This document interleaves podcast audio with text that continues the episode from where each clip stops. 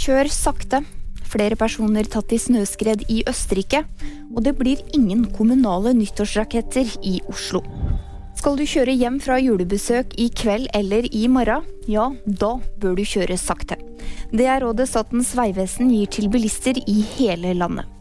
Det kommer et lavtrykk fra Atlanterhavet som rammer mest i sør, men også en del i nord. Det gir mildere vær og en god del nedbør og periodevis sterk vind, sier vakthavende meteorolog Per Egil Haga. Med andre ord så er faren for is på veiene og underkjølt regn stor, sier meteorologen. Flere personer har tatt i snøskred i Østerrike.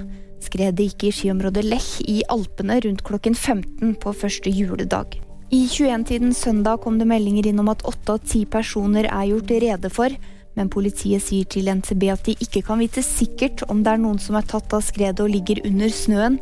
De sier at øyenvitner har fortalt at det så ut som ti personer kan ha blitt tatt, noe som det også ser ut som i en video politiet har sett.